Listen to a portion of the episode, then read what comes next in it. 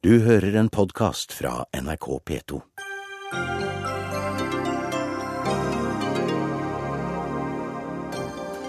Alle nordmenn over 55 år bør bli undersøkt for tarmkreft, anbefaler Prioriteringsrådet. Men bør samfunnet og helsevesenet bruke så mye tid og ressurser på så mange friske mennesker for å finne ut om noen få er syke? Så å si alle fagorganiserte støtter legene som streiker, men hva betyr egentlig kollektivt vern og medbestemmelse? Kuwait vil DNA-registrere alle innbyggere og tilreisende.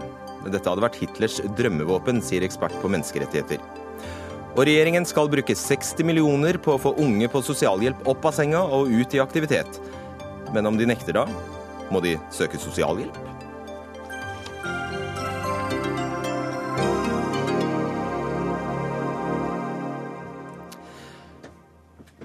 Du har stilt radioen din inn på P2 eller Alltid nyheter, fjernsynet inn på NRK2, eller så ser du oss på nrk.no på nett eller mobil. Dette er Dagsnytt 18 med Fredrik Solvang. Ja, nå i ettermiddag ble Nasjonalt råd for prioritering i helsetjenesten enige om at alle nordmenn over 55 år bør bli undersøkt for tarmkreft, og dvs. Si kreft i endetarmen eller tykktarmen. Dette er en av de vanligste kreftformene i Norge, og den har hatt en eksplosiv økning. Siden 70-tallet har antallet som får tarmkreft doblet seg, og i dag får mer enn 4000 diagnosen. Ca. 1500 dør hvert år av eh, sykdommen. Lege og forsker Thomas Delange, du har forsket eh, på dette. Du leder et pilotprosjekt i Østfold over Bærum eh, sykehus, der dere siden 2012 har screenet folk for å se om de har tarmkreft. Er du fornøyd med de anbefalingene Prioriteringsrådet kommer med i dag? Ja, jeg syns det er gode anbefalinger og en god beslutning som støtter det arbeidet vi allerede har utført, og kan videreutvikle det. Hvor effektivt er det?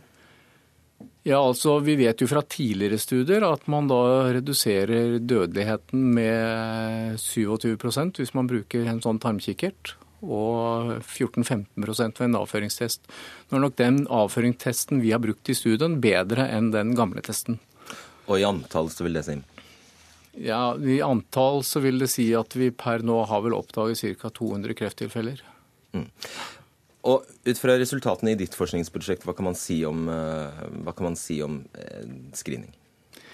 Nei, det kan, vi kan si det er at det fungerer sånn som vi forventet. Vi finner antall polypper og antall krefttilfeller som vi forventer, og da vil vi forvente at vi får en reduksjon både av dødeligheten og også ved visse metoder av forekomsten av kreft. Mm.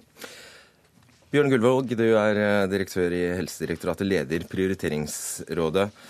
Og nå blir det altså opp til eh, direktoratet å ta stilling til dette. Eh, ta stilling til hva, ikke minst hva det vil koste å skrine alle mennesker i Norge over 55 år for tarmkreft. Hva vil det koste? Jeg har ikke et eksakt tall på det, men la meg likevel innledningsvis korrigere deg litt. Fordi du, du startet å si at alle over 55 år skulle screenes. Og det er ikke riktig. at Rådet har ikke vedtatt det. Det foreligger et forslag fra arbeidsgruppen om hvordan dette skal gjøres, men rådet har anbefalt at vi nå innfører et nasjonalt screeningprogram. Eh, gitt at vi får bygget opp en kapasitet som gjør at ikke andre pasienter fortrenges. Det er det som er, eh, er, det sentrale i rådets vedtak. Og Så må vi da utrede hvor mye ekstra kapasitet eh, trenger vi til dette. Men vi er ganske trygge på at uh, dette vil unngå mange dødsfall for tarmkreft. Og at det vil spare veldig mye lidelse. Tarmkreft er en sykdom som er i vekst, og i Norge mer enn i andre land. Så vi trenger gode og effektive tiltak i forhold til tarmkreft. Om det ikke skal gjelde alle, da, hvilke kriterier skulle man eh, legge for dagen? Her må eh, forskerne jobbe mer med hvordan innretningen konkret skal være. Hvilke aldersgrupper det skal gjelde, hvilken teknologi som skal benyttes i ulike deler av landet. Og det trengs også et, eh, et, opplegg for hvordan forskningen skal følge hele dette, slik at vi hele tiden kan få ny viten om å gjøre dette på den aller beste måten. Så det var det ikke OK, eh, det var, en, det var jo en grei korreksjon. Eh, er det mulig å si noe, Gir rådet, noen, eh, gir rådet noe intervall for hvor mye det kan komme til å koste, ut fra, de ut fra hvor mange som blir testet da, eller screenet? Ja, jeg, jeg, tror ikke jeg vil spekulere i det på det nåværende tidspunkt. For det, det må uh, vi komme nærmere tilbake til. Men det, det, vi sier nå, om, er at uh, i forhold til i forhold til å redusere tarmkreftdødelighet, så er dette et kostnadseffektivt tiltak sammenlignet med andre tiltak. Hva vil så, det si, egentlig? Det vil si at, at det virker godt for de ressursene som er lagt ned. Og at det er konkurransedyktig i forhold til veldig mange andre tiltak i helsetjenesten som kan ha mindre effekt for samme kostnad. Skjønner. Eh, Siri Forsmo, du er professor i samfunnsmedisin ved NTNU. Og du er kritisk til screening, mener det er eh, et fokus på friske mennesker. Hva legger du i det? Screeningprogram er jo rettet mot uh, altså friske i form av symptomfrie mennesker, og, og blant dem er de nesten alle friske. Nå skal det jo sies, og jeg har for så vidt eh, forståelse for at de store kreftformene som rammer mange, så, så er det naturlig at man ønsker å, å gjøre noe med det. Eh, men eh, når man fokuserer så mye på friske, så føler jeg jo Eller vi ser jo at det, det er sider ved, ved det som, som, som, er uheldig. Bl.a. det som man kan, kan, kalle en slags avhengighet av både teknologi og helsetjenesten, som, som inviterer til undersøkelser for en sykdom som du for det første ikke har noen symptomer på, og for det andre antageligvis ikke vil få. Fordi den, de fleste vil aldri få disse sykdommene. vi vi eh, leter etter. Men hvilken overlast kan du, kan du utsettes for da? Nei, altså det er eh, eh, for det, Man vet jo at det er Teknologien er ikke perfekt. Det vil være mange det vi kaller falske positive. Det er veldig mange som må inn i oppfølgingsløp. Nærmere undersøkelser, kanskje mange undersøkelser. Noen vil få diagnostisert en sykdom som de kanskje ellers aldri ville fått noen symptomer på før de dør av noe annet, eller, eh, eller eh, at den aldri ville gitt, gitt noen symptomer. Mm. Så de vil jo få en falsk opplevelse av at eh, det å delta i screeningen på en måte har, har reddet dem. Så man skremmer folk? Ja, det er jo en, en altså Skremme, kanskje å ta det litt langt. Utrygge, men, men den falske tryggheten har jo vært én ting. Eh, det andre er at Altså det at man ikke kan stole på egne, uh, sin egen helseopplevelse, det at man må vente på en invitasjon, eventuelt nettopp har vært på en undersøkelse og, og, får symptomer, og hva gjør du med det? Skal du velge å stole mm. på det du har vært på, eller skal du løpe til legen? Og vi vet fra f.eks. mammografiscreening at, at i noen få tilfeller så kan faktisk det å ha deltatt på screeningen føre til forsinket diagnose, og det er jo i hvert fall ikke heldig. Det var fint du tok opp det, for da vender jeg meg til Mette Kallager. Du er lege og forsker ved Universitetet i Oslo og Oslo universitetssykehus. Og eh, nettopp mammografi uttalte jo du deg eh, kritisk til. Du har forsket mye på det. Men akkurat når det gjelder tarmscreening, så er du positiv. Men de de innvendingene eh, Forsmo kommer til her, de er stadig tilbakevendende og ganske klassiske. Ja, det er det. Jeg tenkte jeg skulle eh, Det er en vesensforskjell her. Og det er at eh, når vi tenker på screening for brystkreft, og i og for seg prostata med PSA-screening, så er det tidlig oppdagelse av kreft som betyr noe. Og da ser vi på om det reduserer dødelighet eller ikke. Når det gjelder tarmkreftscreening, så kjenner man til at det er et, et forstadium til kreft. En slags liten utvekst i tarmslimhinna som du kan fjerne eh, ved noen av disse screeningmetodene. Som kan gjøre at du ikke bare eventuelt reduserer dødeligheten av da tarmkreft, men du også reduserer forekomsten. Eh, og det er en vesensforskjell, for det skjer ikke ved tidlig deteksjon. Så dette er en slags form for eh, preventiv eller forebyggende screeningmetode som skiller seg fra Eh, det vi ser ved mammografi og PSA-screening. Og så skal jeg bare si en ting på kostnad, for du ble jo, uh, Gullvåg, du ble jo skvist litt på kostnad, men det er jo noe av det som vi skal finne ut av i dette her. Sånn at, og det å gå ut og si hva det koster på forhånd, det syns jeg er veldig klokt å ikke gjøre. Fordi det er noe av det vi skal finne ut av. Hele dette prosjektet er jo unikt i verdenssammenheng. Fordi man tenker seg her at vi er usikre på hvilke hvilke metoder som er best, eh, hvilke aldersgrupper de virker på, om det er forskjell på kjønnene, som jeg gjerne vil ta en liten debatt på etterpå. Det skal vi komme tilbake til. Fint. Um, og, og, hvilke av disse er best for befolkningen? For det vet vi ikke på det nåværende tidspunkt. Og Derfor er dette forslaget som nå kommer, det er et veldig godt forslag, sånn som jeg ser det. Det er bare veldig naturlig å spørre hva det koster. Det er bare det. Eh, Forsmo, hva sier du til eh, dette her at, eh, at det er en vesensforskjell mellom mammografi og denne typen screening på tarmkreft?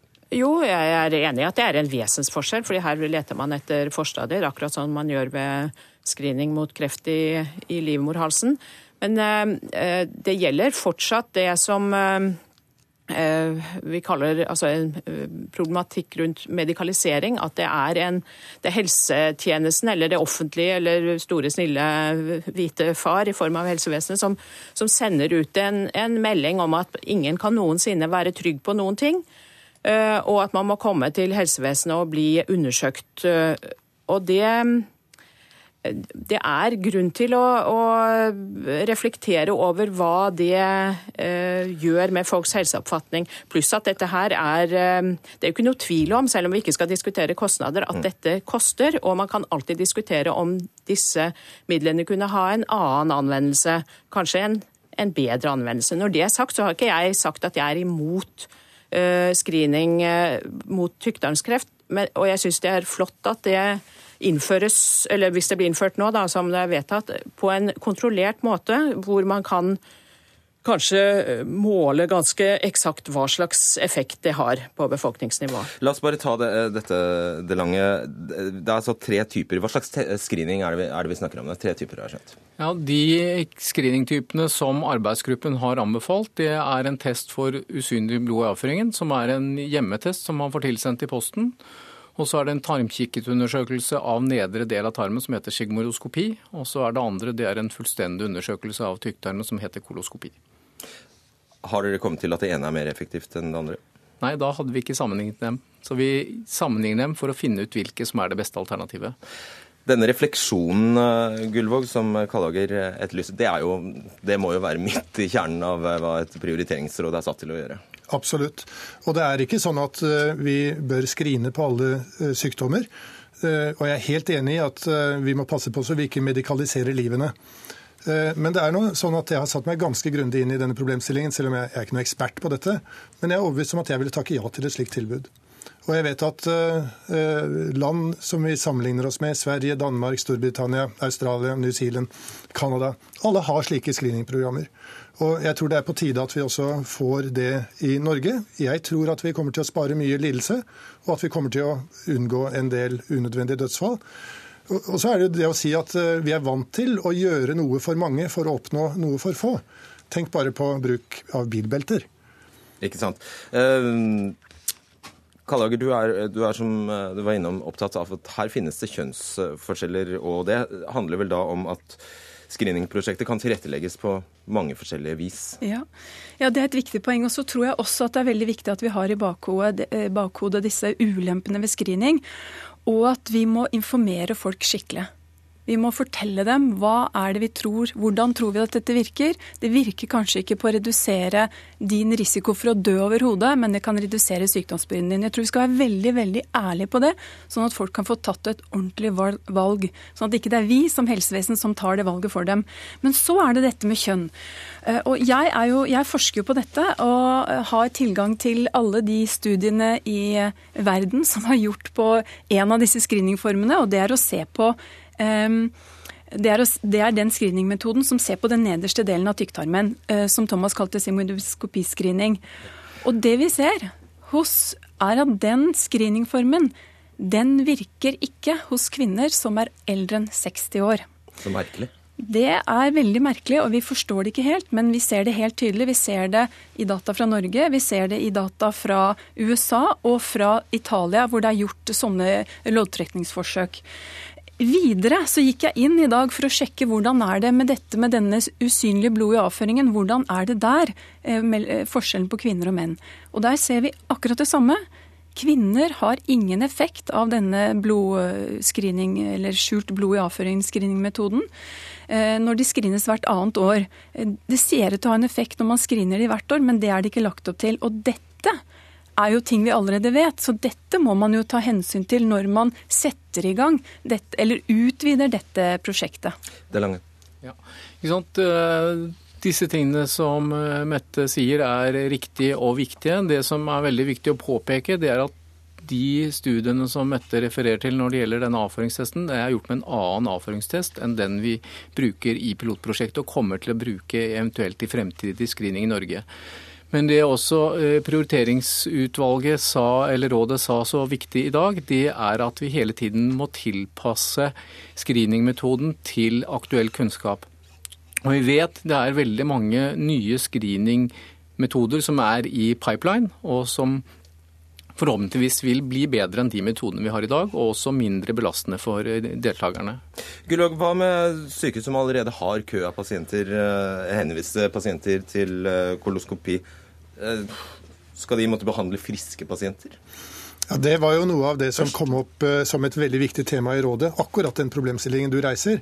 Hvordan er, kan vi være trygge på at vi har nok kapasitet til å behandle de som er syke allerede, eller de som skal utredes for alvorlig sykdom. Og Rådet sier at vi kan ikke starte dette screeningprogrammet før vi er kommet lenger i å bygge den kapasiteten. Så her er det et løft som må gjøres i forkant av at vi starter utrullingen av screeningen. Når snakker vi om? Altså, hvor mange år? Hvem vil svare? altså, jeg tror at selve screeningprogrammet vil i hvert fall ikke starte uh, før det er gått et par år. Og så uh, kan jeg ikke si med sikkerhet hvordan dette er. Det er jo allerede en pilot på gang. Som, som, vi har hørt om, og som vil gå i ytterligere to år. Og, og det, er heller, si, det, er jo heller ingen automatikk i at selv om du tilrår det, så skal jo det skal tross alt til Stortinget? Det skal til Stortinget. Og, og pengene må bevilges? Og det må bevilges over budsjettene. ja. Noen år, altså. Ja, jeg tror vi må regne med det. Veldig kort. Eh, når det gjelder kapasiteten, så i det pågående pilotprosjektet så har vi gjort det sånn at vi har rekruttert inn leger og sykepleiere i opplæring og øket grunnlaget for å gjøre koloskopier. og Det har man hatt en gevinst av i klinikken også. Så vi har rekruttert inn 16 leger her. Og Det vil man fortsette på med den ideen og det prinsippet når man skal utvide det, eller hvis man skal utvide dette her. Og realistisk sett, vi vet at det trengs lang planlegging for å starte og utvide dette prosjektet. Så man kan i hvert fall ikke starte før 1.1.2019, og kanskje ikke før 2020. Og det vil ta fem år ut ifra vårt forslag å rulle det ut til å være landsdekkende. Skjønner. Vi lærte mye nytt i hvert fall. Takk skal dere ha, Thomas Lange, Mette Kallager, Bjørn Gullvåg og Siri Forsmo. Dagsnytt 18 alle hverdager kl 18.00 på NRK P2 og NRK2.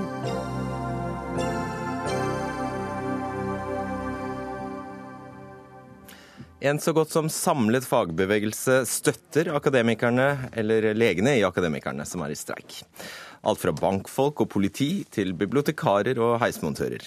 Men også sykepleiere og hjelpepleiere støtter legekollegene. Og ikke nok med det, halve folket støtter legene.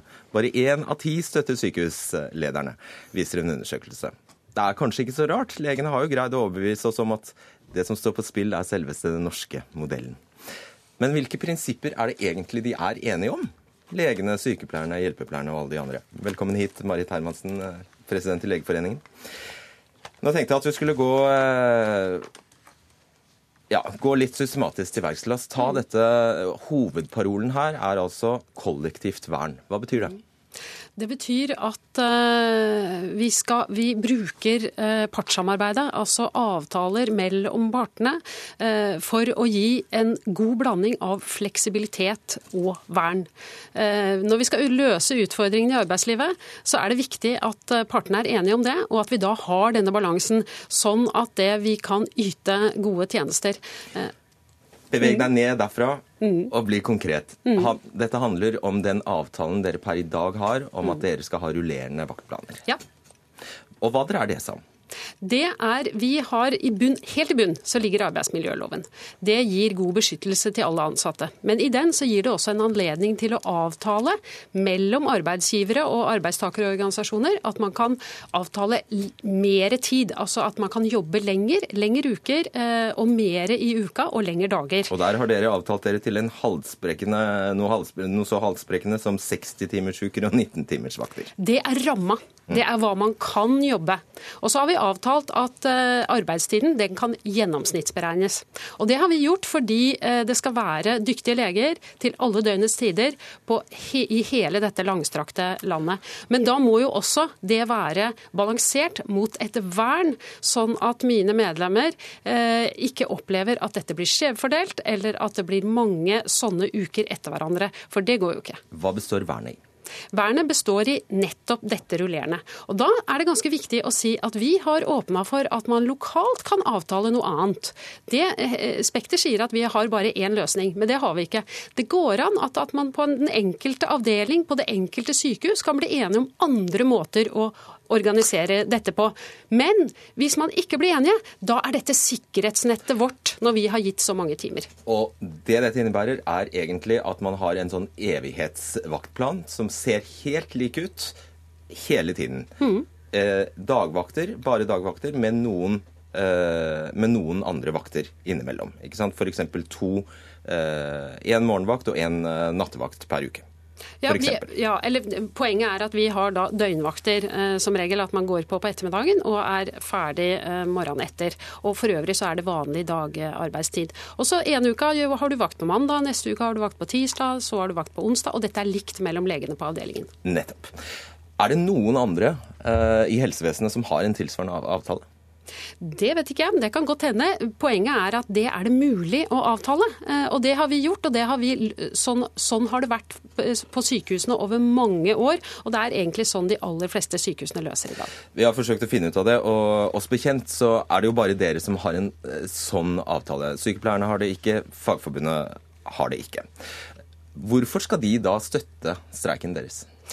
Jo, fordi eh, på sykehuset så er det mange forskjellige oppgaver skal, som skal løses. Derfor er det viktig at man har fleksibilitet på å lage mange avtaler. Det jeg eh, har sett eh, at eh, fagbevegelsen reagerer på, det er jo at vernet forsvinner.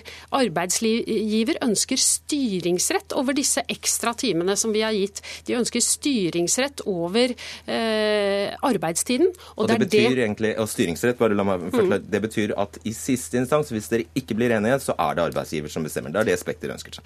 Det Spekter ønsker seg, og det, vi respekterer det innenfor arbeidsmiljølovens grenser. Men her har vi faktisk avtalt noe annet, og da forventer vi at de holder seg til avtalen og respekterer det vi har avtalt når vi har gitt ekstra tid.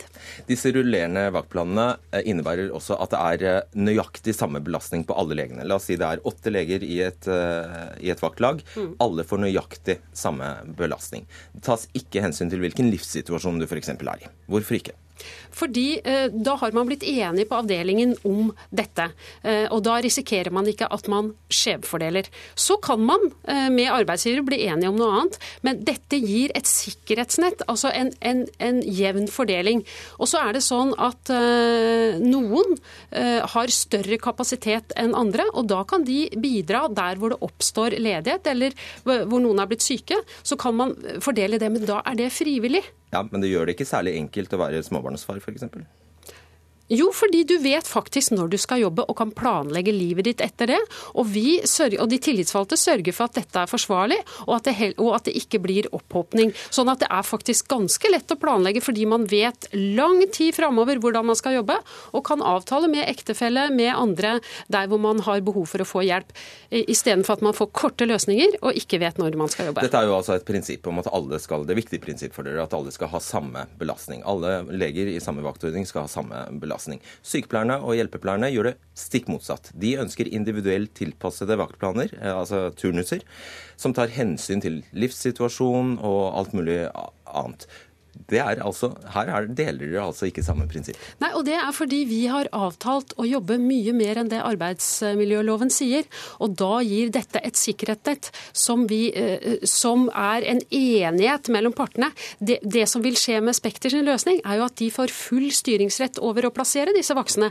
For det er ikke noen flere leger som kan ta disse vaktene, men det blir arbeidsgiver som får full styringsrett med det. Det skal vi snakke om nå, fordi de hullene som da oppstår i disse vaktplanene, Ehm, eller egentlig De rullerende vaktplanene går ut på at hull ikke skal, eh, skal, erstattes av andre enn de legene som inngår i, i, i, vaktordningen, og at legene skal ordne opp seg imellom, eh, egentlig. Eh, også her ønsker sykepleierne og hjelpepleierne det motsatte. De ønsker forutsigbare turnuser der alle hull i horisonten dekkes, sånn at de ikke, at det ikke oppstår planlagt overtid. For planlagt overtid er ikke lov. Nei, Og det er jo ingen andre leger enn de legene i vaktordningen som faktisk kan ta dette. Og, og det er litt interessant å bruke hull i vaktordningen. Hull i vaktordningen oppstår fordi man f.eks. har ferie. Ja, ja, men det er et hull er tull. Ja, og da må det dekkes. Ja. Ved rullerende vaktplaner så oppstår det, oppstår det, et behov, og da kan arbeidsgiver eh, løse det ved å leie inn vikar, f.eks. Det ønsker vi. Vi ønsker at eh, sykehusene skal ansette nok leger, sånn at man har kapasitet til det. Ved en kalenderplan så vil, vil man kunne plassere de andre legene inn i dette, eller man kan plukke eh, vaktene ut av ferien, sånn at den samme personen er nødt til å jobbe inn igjen vaktene før og etter. Og det er jo ikke ferie. Uh, ja, ok, Vi dveler ikke ved det, men jeg har noen spørsmål egentlig til det også. Men altså bare la oss øh, fare veldig fort gjennom dette med betaling, og jeg har ikke lyst til at vi bruker mye tid på det. Uh, det har vært mye snakk om det. Altså denne, At disse vakans, vakansvaktene eller uforutsette vaktene er lukrative. Uh, de kan altså være på 19 timer, og betalingen, og det bestiller dere vel ikke, kan være i underkant av 1000 kroner om lag timen. Altså, Dette blir jo da overtid som kommer i tillegg til den ordinære lønna som altså eh, Og hvis, ble, eh, hvis, det ble planlagt sånn at man ikke fikk hull i stedet, så ville disse overtidstilleggene rett og slett forsvinne. Likevel skal dere, dere ha oss til å tro at dette handler overhodet ikke om penger. Nei, og det, og det er, altså For det første så er det regneeksempelet eh, helt utrert. Eh, vi kjenner nesten ikke til det. Eh, og for de fleste så dreier det seg om langt under halvparten. Nå tror jeg du, hørte, tror du hørte noe jeg ikke sa. Altså Jeg nevnte ikke 19 000 f.eks. Jeg sa bare mm. timelønn på mm. ca. 1000. Jo, og det er det overlegene som har, og de har mye hvilende vakt. For, for assistentleger så er det rundt 600, eh, som er omtrent det samme som andre får for utrykning på vakt. Og Poenget er jo at dette, dette er overtid. Hvis ikke så vil det være de samme legene som tar det etter, etter, etter at arbeidsgiver har bestemt det. Og Det er litt underlig at Spekter stadig drar fram dette, for dette er jo takster som vi har vært enige om over lang tid. Det er greit, og vi har faktisk vært villige til å diskutere dette. Det har ikke Spekter vært villig til. For oss så er arbeidstiden viktigst, og at vi faktisk har et kollektivt vern, og at det ikke er arbeidsgiver som har full styringsrett over disse vaktene og kan plassere de hvor de vil i turnusen vår.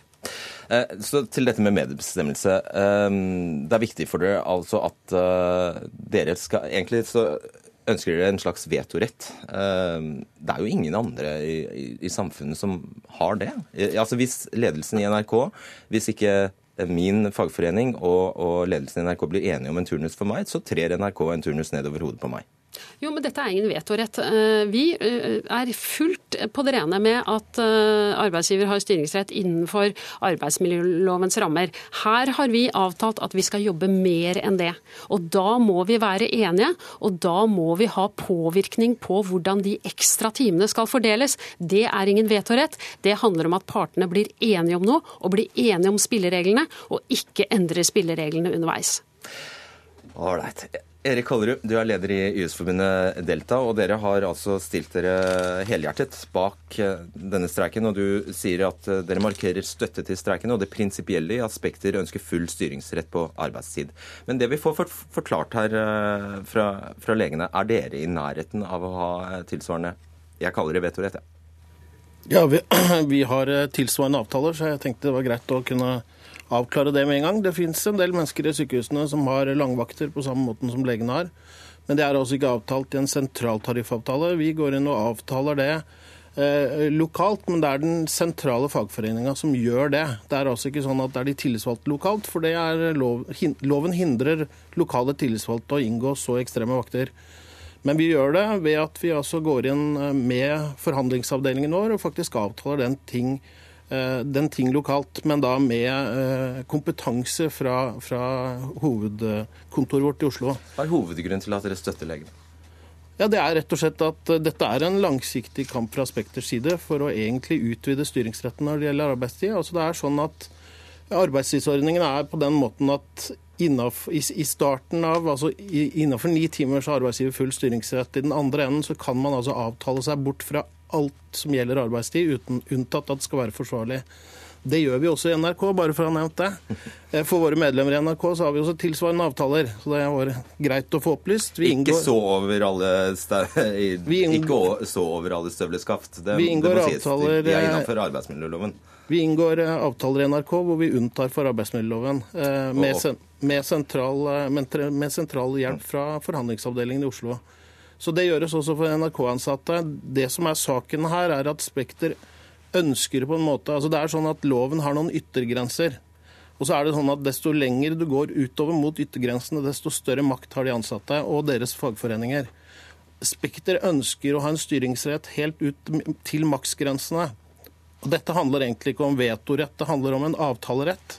Det er sånn at Når du skal inngå en avtale om, om, om arbeidstid lenger enn ti timer, opp til 12,5 timer, så må du gjøre det gjennom en avtale med tillitsvalgte. Spekter ønsker å gjøre det uten avtale med tillitsvalgte. Dette har de jo svart i forhold til mm. høringssvarene sine på arbeidsmiljøloven osv.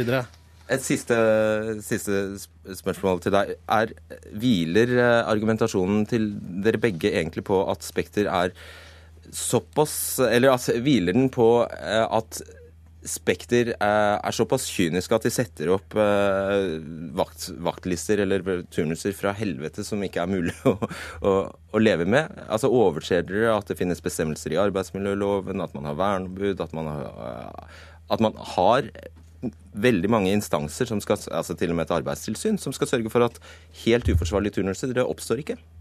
Loven bygger på at bl.a. fagforeninger altså har, et, har, et, ansvar for å sørge for at når man går mot yttergrensene, så har altså fagforeningene et ansvar for å inngå avtaler. Spekter ønsker ikke den avtaleretten, man ønsker å gå bort ifra den. Og Det er det vi faktisk er opptatt av. og Derfor så er Legeforeningens kamp vår kamp. Vi er opptatt av den kollektive avtaleretten. Fordi det faktisk sørger for at vi har forsvarlige arbeidstidsordninger. Og Dette er altså lovgivers intensjoner er faktisk at den norske modellen går ut på at vi altså som fagforeninger skal faktisk ta et medansvar. Det er det man gjør her. Eh, det er nok ikke det Spekter ønsker at vi gjør innenfor arbeidstid. Ok, Jeg håper det ble litt vil du, Ja, ok, veldig kjapt. Eh, vi, vi, er veldig glad for denne støtten. Og det er jo nettopp for hvorfor lager man avtaler? Man lager avtaler i godt vær for uh, å ha til hjelp når ting drar seg til, når budsjettene blir dårlige, når det er dårlig bemanna. Da skal vi ha godt vern. Det er derfor vi lager avtaler. Jeg håper det ble litt klarere. Takk skal dere ha, Marit Hermansen og Erik Hollerud.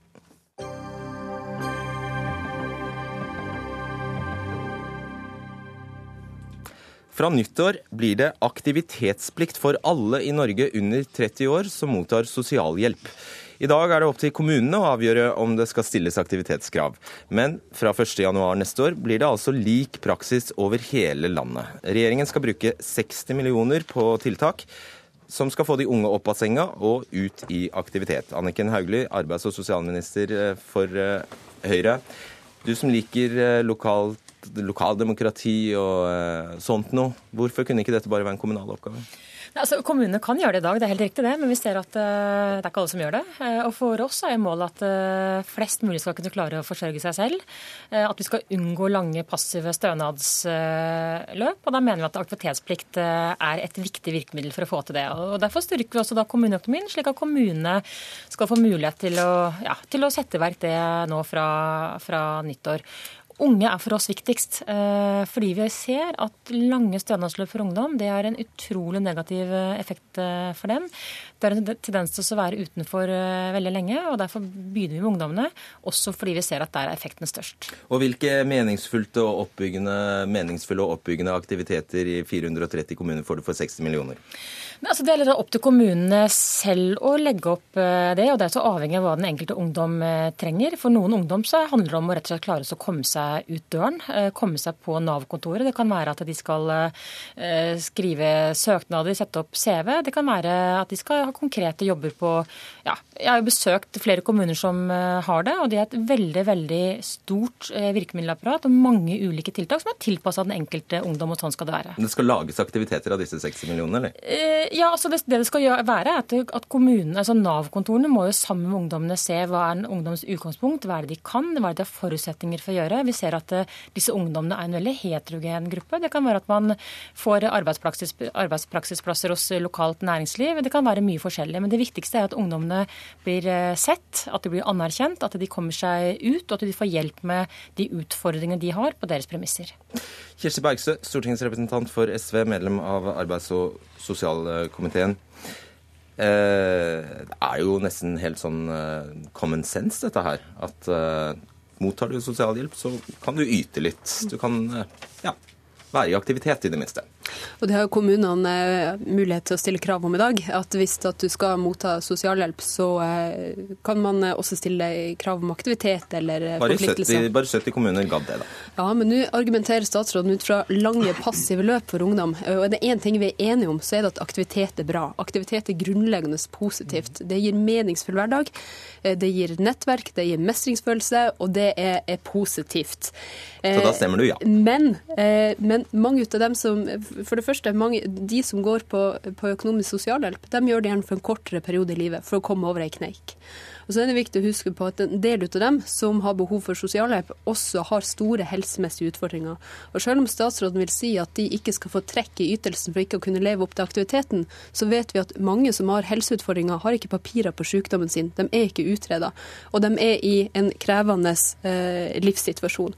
Og jeg frykter at en del folk skal ramle gjennom, særlig i kombinasjon med at regjeringa diskuterer å fjerne muligheten for arbeidsavklaringspenger for unge mennesker.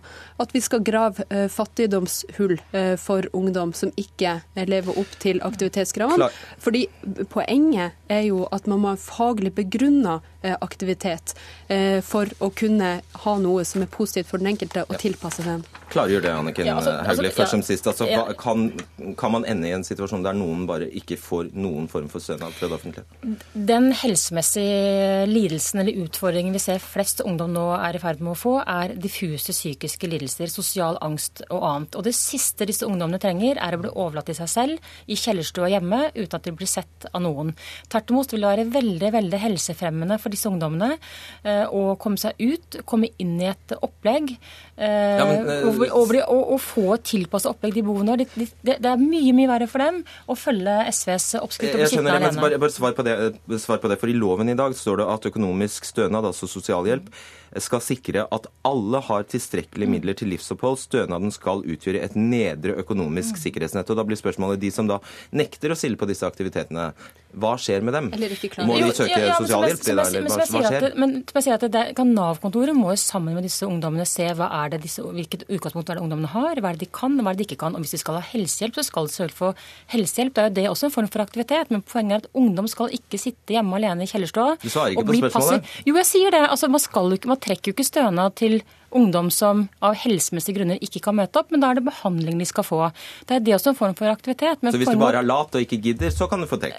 Ja, altså, men, ja, men for disse ungdommene handler ikke denne som latskap. Altså, de har kommet inn i en situasjon, en ond sirkel, hvor de blir passive og passifisert. Og det er den situasjonen vi ønsker å unngå, fordi det skader ungdommene. Og det er ikke bra for dem, og det er ikke bra for samfunnet. Veldig kort. Derfor ønsker vi å heller ha en aktivitetsrett, eller en aktivitetsrett, eh, fremfor en, en, plikt som gjør at du faktisk kan uh, få trekk. Da er det mange som gidder, Bergstø. Jeg er helt sikker på at mange ønsker å endre sitt eget liv, endre sin egen hverdag til det bedre. Hvis du har godt eh, sosial, sosialfaglig kompetanse til stede på Nav, hvis du gir folk tett individuell oppfølging og gir dem faktisk reelt sett meningsfulle aktiviteter, så tror jeg også folk ønsker å endre sitt liv. Jeg frykter at man har en blind aktivitetsplikt eh, som, som, eh, som fører til et kontrollregime og et byråkrati som ikke ser den enkelte. Eh, Simen Markussen, eh, det finnes forskning på dette her, faktisk. Du er eh, seniorforsker i stiftelsen Frischsenteret for økonomisk forskning. Og du har blitt kjent etter hvert for å si at vi må slutte å betale folk for ikke, ikke, å jobbe. Du har faktisk forsket på akkurat dette med aktivitetsplikt i kommunen. og vi hadde en sånn, du var her, Det er ikke så mange måneder siden. Hva var funnene? Ja, vi har gjort en studie der vi ser på hva som skjer i kommuner som innfører vilkår og aktivitetskrav. Eh, hva, hva, skjer med ungdommer i de kommunene som er liksom i risiko for sosialhjelp? Det er 18- og 19-åringer med høy risiko for sosialhjelp, sammenlignet med kommuner som ikke gjør endringer. Og Da finner vi, kanskje ikke så overraskende, at innføring av krav og vilkår og aktivitetskrav da, det fører til at færre mottar sosialhjelp. Det er kanskje ikke så overraskende. Det kan være bra og dårlig i og for seg. Det som er mer overraskende, eh, og som er veldig positivt, er at vi også finner at flere av disse ungdommene fullfører videregående skole. Og når vi går inn og ser på dem som 25-åringer, så ser vi at de gjør det faktisk også da en del bedre. Flere er i jobb, færre mottar trygd, flere er i høyere utdanning.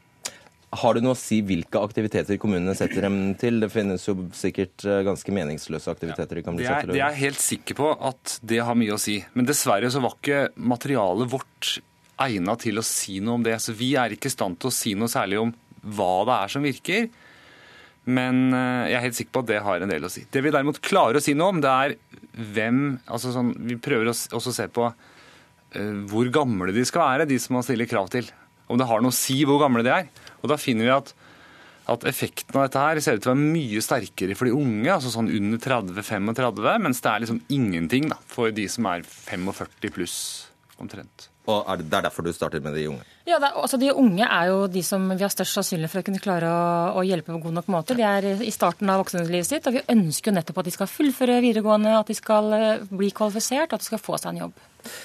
Rigmor Aasrud, du er stortingsrepresentant for Arbeiderpartiet, medlem av arbeids- og sosialkomiteen eh, du også. Eh, ja, Hva syns du? Er dette riktig medisin?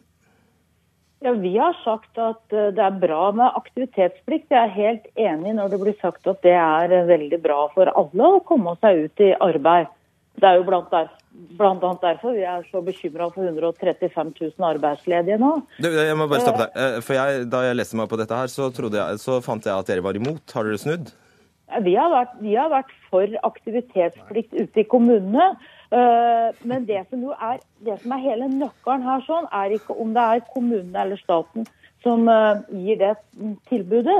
For jeg tror det er helt riktig, sånn som Markussen sier, hvis man skal lykkes med dette, her, så må det være tett oppfølging fra den, den enkelte som, som, har falt utafor. Og da er 60 millioner kroner uhorvelig lite penger, når vi vet at det er 50 000 ungdommer under 30 år som okay. har sosiale la, la, meg prøve bare eh, å gjøre det kort. Klargjøre standpunktet. Dere er for at kommunene kan innføre aktivitetsplikt, men eh, Eller nei, nei, jeg skjønte det faktisk ikke. Hva er du for? Men vi, har, vi fremma et forslag om at det skulle innføres eh, en forsterka aktivitetsplikt for eh, sosialhjelpsmottakere før vi gikk av. Da sa vi at kommunene skulle gjøre det. Så kom det et forslag nå om at man skulle innføre et skal-begrep. Da sa vi da må man først utrede hva dette her koster, sånn at vi ser at saken er finansiert, før vi kan ta endelig stilling til det. Eh, så har det gått nå snart tre år med denne regjeringa, og så kommer man tilbake nå og sier at man skal innføre for de under 30 år, og man legger 60 millioner i potten. Det er for lite. Det er en Ok, Så det er beløpet som er for lite? Ja, for at vi, jeg har bare lyst til å si programleder, at uh, i den kommunen jeg kom fra, så har vi hatt et særdeles vellykka Nav-prosjekt for å få folk som er langt unna arbeid, tilbake igjen i arbeid. Veldig vellykka. 70% er i arbeid. Men det krever veldig tett oppfølging. Og da må du ha mer av en hundrelapp i måneden for å få til det. Og for å nå Skjønner. det målet jeg tror vi alle sammen er enig i. Skjønner. Erlend Wiborg, stortingsrepresentant for Fremskrittspartiet. Medlem av den samme komiteen. Du rister vekselvis på hodet og ler her. Hva, hva er det du holder på med?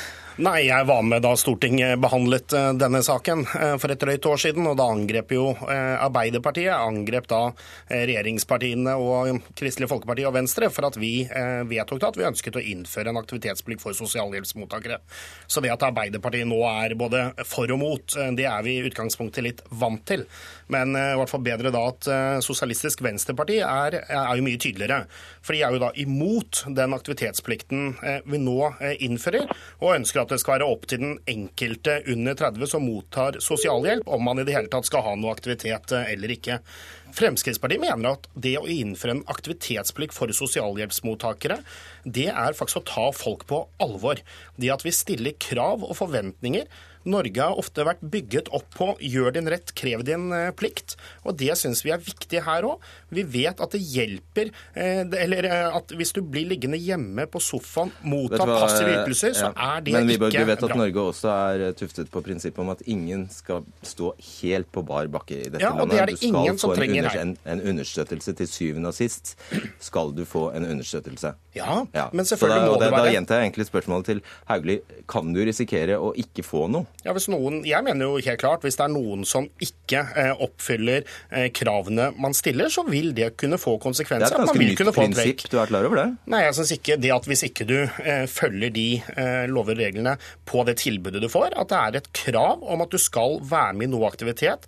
Det kan være, hvis du sliter med rus, at du skal få Så da har vi ikke et nedre økonomisk sikkerhetsnett lenger i Norge? Det kan være at hvis du sliter med rus, at du skal kunne ta rusbehandling. Det handler om at du kanskje skal få eh, jobb eh, eller være med, prøve deg ut i en bedrift. Det handler om at du skal kunne få annen type hjelp. Og Det er jo det som er det viktige her, å sørge for at ungdom ikke lever på passive ytelser og får hull i CV-en, men heller si ja, vi skal hjelpe deg over den kneika, de problemene du har, ja. men da må du også eh, forvente at det blir stilt noen krav til deg, bl.a. komme deg opp om morgenen og faktisk være med og bidra. Eh, mottatt. Eh, Bergstø, bare svar. Ja, du skal få slippe til eh, straks, Åsrud, men Bergstø, bare oppklar. Hvordan har du tolket Arbeiderpartiet? det er ikke viktig. Det som er viktig, det er hvordan hjelp vi gir folk. Og jeg har jobba på Nav. Nei, du vil ikke svare på det. Har, Arbeiderpartiet må tolke seg sjøl. Eh, og jeg har uh, møtt folk som har kommet på kontoret for å søke om sosialhjelp, og jeg har begynt å snakke om krav. Uh, og folk som har vært så pakkfull av angst og eh, rusrelatert lidelse har reist seg opp og gått. Dette handler om å komme i posisjon for å kunne hjelpe. og Da må man hjelpe på et faglig basert grunnlag eh, og eh, være til stede der mennesker er. Og Det er alltid et spørsmål om hvem skal få hvordan oppfølging. og I dag så har jeg snakka med ungdommer som har eh, vært i Nav-systemet like lenge som regjeringa har vært på uten å få noe oppfølging. De går på arbeidsavklaringspenger. Så her er det ikke snakk om en motsetning der noen vil ha ungdom alene i kjelleren, og noen vil ha ungdom i aktivitet. Her er det snakk om faglig begrunnet aktivitet aktivitet og rett hjelp til rett tid. Eh, kort til det Simen Markussen sier, det er jo, og det er ganske innlysende, selv om man ikke vet så mye om det, at eh, det, det handler mye om hva slags aktivitet de blir eh, satt til her. Hvis, eh, hvis du mener disse 60 millionene er altfor utilstrekkelig, er det vanlige ufaglærte jobber du vil ha dem inn i, eller hva, hva er alternativet ditt? Spør du meg? Ja, jeg spør deg. Ja, altså Det jeg mener er at eh, Dersom man skal innføre et, et skal-begrep i lovverket, så må regjeringa komme opp med mye mer aktive tiltak. Man må forsterke kommuneøkonomien, sånn at kommunene, som kommer til å være de som har skapa veldig mange av de arbeidsplassene, har mye bedre økonomi enn det de har i dag. Og, må, og Det blir jo spennende å se da, når hele statsbudsjettet kommer. Jeg tror du må uh, legge mye mer vekt på f.eks. lønnstilskuddsordninger, dersom du skal få den uh, gruppa ut i arbeid. Og Det er jo her det ikke henger sammen, det som regjeringa foreslår. Nå får jeg så strenge blikk fra Vaksjef at du får bare ti sekunder. Ja, altså de, de, 60 millionene som vi legger inn nå, det er jo i dialog med KS. Altså KS og regjeringen har jo sammen regnet ut hva det det vil koste, så KS vil være fornøyd med dette. Men poenget er at vi må få ungdommene ut av passivt livsstil og ikke være hjemme alene. Og så får man tiltak og tilbud tilpasset de behovene som som eh, ungdommen har. Det er det viktigste. Sånn. Takk skal dere ha, alle sammen. Tusen takk.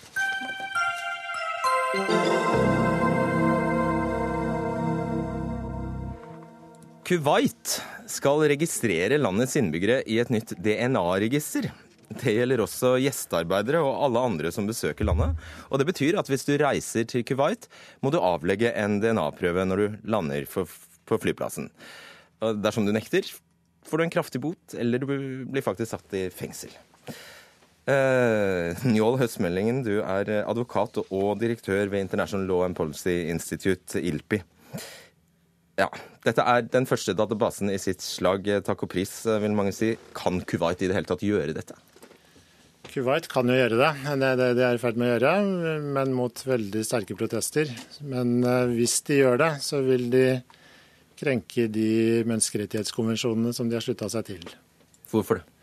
Fordi når du registrerer så massivt og har en så stor database på et litt sånn ullent eh, grunnlag, hva er det du egentlig ønsker å oppnå med dette her, så krenker du da retten til respekt for ditt eh, privatliv. Og vi skal bare minne, altså Det er 1, om lag 1,3 millioner innbyggere i eh, Kuwait. Eh, nærmere 3 millioner utlendinger, masse fremmedarbeidere der. Dette registeret kommer til å koste om 400 millioner dollar, skriver Washington Post. Hva kan det brukes til? Nei, Det var det, da. Det kan brukes til veldig mye rart. Og det er kanskje ikke terrorbekjempelse som er hovedargumentet da til Kuwait, som er det som springer deg først i huet. Selv om det har vært terroraksjoner der òg, faktisk. Det har vært terroraksjoner, og de er et lite land i en eh, litt eh, skummel verden der nede. Og eh, argumentasjonen som de bruker, retta inn mot antiterrorbekjempelse, eller bekjempelse av terror, Den holder til en viss grad, men så er det litt, hvis du kikker litt rundt deg, så er det plutselig ganske mange andre ting du lurer på om de kanskje har lyst til å bruke ja, dette registeret til. Nei, De er jo et land som sliter litt med å respektere menneskerettighetene. De er ikke helt uh, i eliteserien der. Og de har f.eks. problemer da, med likestilling mellom kvinner og menn, og arverekkefølger og ekte og uekte barn, som et sånt DNA-register veldig fort kan Utroskap faktisk kan avsløres med DNA? Det kan avsløres, og ikke bare avsløres, men i Kuwait så er det straffbart. Hvis du da er en kuwaiter som er utro, så kan det gå deg riktig ille. Eh, du har en analogi til uh, virkelig ille regimer i historien? Ja, og da går vi et veldig langt sprangmåten tilbake i tid og opp til Norge. Og det var det registeret som vi hadde før okkupasjonen fra Nazi-Tyskland i 1940.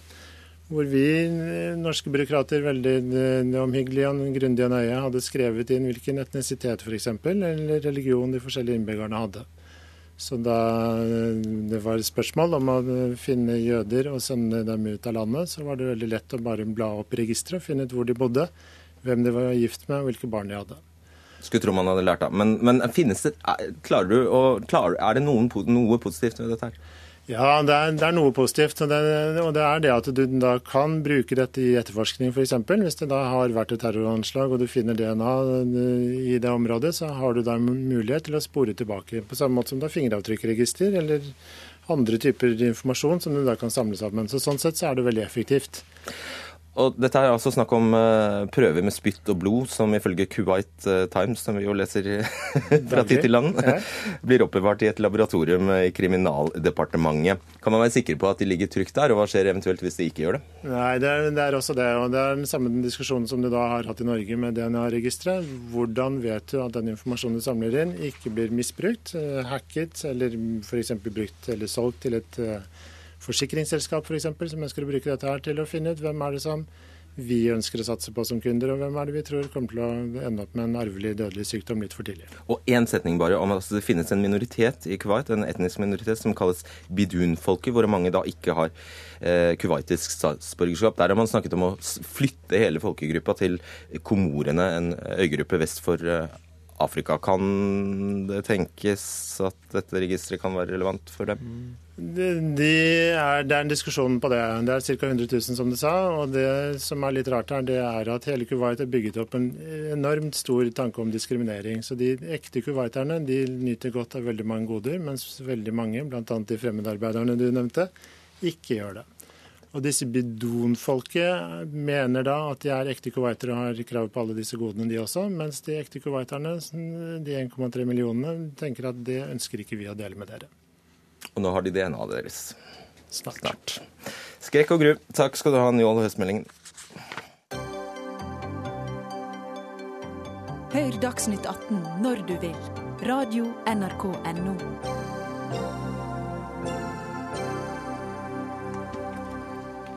er et kjent ansikt. I 25 år var Helge Simones redaktør i avisa Vårt Land inntil han gikk av i fjor. Eh, og til det har han eh, bl.a. brukt tiden på å skrive, og i dag kan vi lese i boka han gir ut at han mener Kristen-Norge har flere problemer. Man er for lite flink til å gå i rette med ekstreme ytringer. I kristne miljøer er mangelen på selvkritikk eh, stor. Og ja, det trengs en egen Vær varsom-plakat for Kristen-Norge som pressen har. Helge Simones, tidligere redaktør i Vårt Land. Hvorfor trenger Kristen-Norge det? Ja, i Mitt utgangspunkt er jo at eh, for meg har, har troa betydd veldig mye i mitt liv. Og jeg ønsker at flest mulig skal få del i troen. Og er da veldig opptatt av de snublesteinene som, som troende mennesker legger ut for at andre skal kunne tro og eh, har tatt tak i det. Og jeg er ikke alene om å hevde det. Det er en eh, svensk forfatter som heter Magnus Malm, som hevder at eh, at eh, troende er de som aller mest bidrar til sekularisering i samfunnet, fordi at de har så ofte så ubetenksomme utspill og sier så mye rart. Og det er det denne boka handler om. Nettopp. Jeg skal bare lese e, e, en av eh, de tolv tesene som skal inngå i en sånn Vær varsom-plakat ifølge deg. Vær varsom når du fristes til å tenke at Gud velsigner deg mer enn andre. Atle Sommerfelt, biskop i Borg, føler du deg truffet? Jeg vet at eh, det har vært en, for, det har vært en tradisjon i deler av eh, Kristen-Norge, og også i Den norske kirke, hvor man har knyttet eh, velstand til Guds velsignelse. Og det er jo veldig interessant, fordi at den kristne kjerne, kjernesannheten er jo slett ikke slik. Jesus tar jo et sterkt oppgjør med at det er en sammenheng mellom et menneskes synd og svik eller svakheter og det som måtte ramme av ulykker og sykdom. Og Der tror jeg vi har et, eh, en fortsatt eh, jobb å gjøre med å tydeliggjøre at slik er det ikke. Det er jo grunnfortellingen, grunn budskapet i den kristne tro er jo at, at, det er jo derfor altså all menneskelig lidelse, og eventuelt det som måtte være Guds avstandstagen til den lidelse vi påfører andre, det eh, dør Jesus for. Mm. Eh, kan du være litt konkret, Simonis? Altså, du har to eksempler, 22.07. og eh, ja, Israel-kritikk.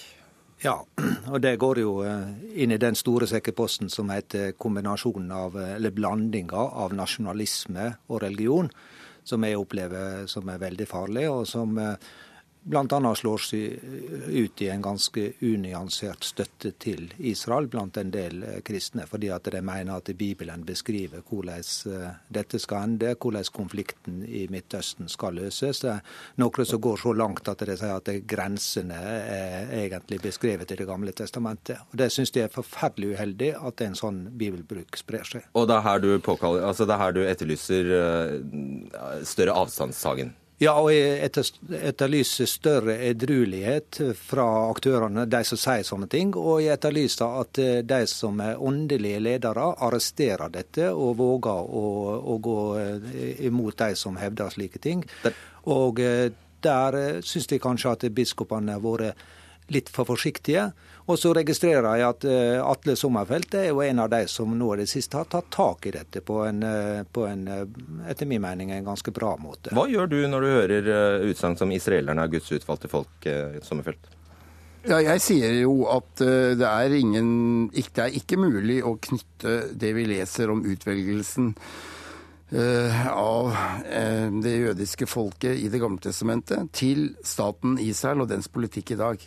Eh, det, er, det, er, det tror jeg nok jeg har en nokså god rekord på at jeg har gjort. Men det er klart at det er veldig alvorlig. fordi at det det betyr, er jo at man ikke forstår hva som er innholdet i, i kristendommen. Og det er jo det vi da som kirke må ta ansvar for, at vi da ikke har vært tydelige på. Mm. Det som jeg tenker er den For, for min tradisjon Jeg er jo ikke oppvokst på et bedehus, øh, og, og, i min tradisjon så har jo kanskje det, det oppgjøret vi har sett de siste 30-40 årene mot en veldig sånn borgerlig og spesiell måte å opptre på. Jeg kommer akkurat fra, fra det, Nå må du være rask. ja, det, det, tror jeg kanskje er noe vi er nødt til å se på. Har vi løst opp, har vi, har vi løst opp arbeidskravene som var nødvendig, så sterkt at vi er i ferd med å miste noe om rommet, kirken som et hellig sted, og en annerledes virkelighet. Og det tror jeg vi skal jobbe mye med. Da har du litt tid igjen. Ja, og der er jo eh, sammenblanding av politikk og religion er jo et eh, veldig vanskelig tema. Og vi ser at det er stadig eh, Stadig vekk så ser vi at folk bruker det og uttaler seg veldig sterkt om det. Eh, vi skal ikke mange år tilbake før at eh, religiøse argument som antikrist og, og eh, sterke ting ble brukt i, mot EU-medlemskap. Så dette opplever jeg er veldig spekulativt, og så er det synd at det gjentar seg så ofte, og det må vi hindre. Takk skal du ha. Fredrik Laursen, Hanne Lunås og Fredrik Solvang takker for seg. Du har hørt en podkast fra NRK P2.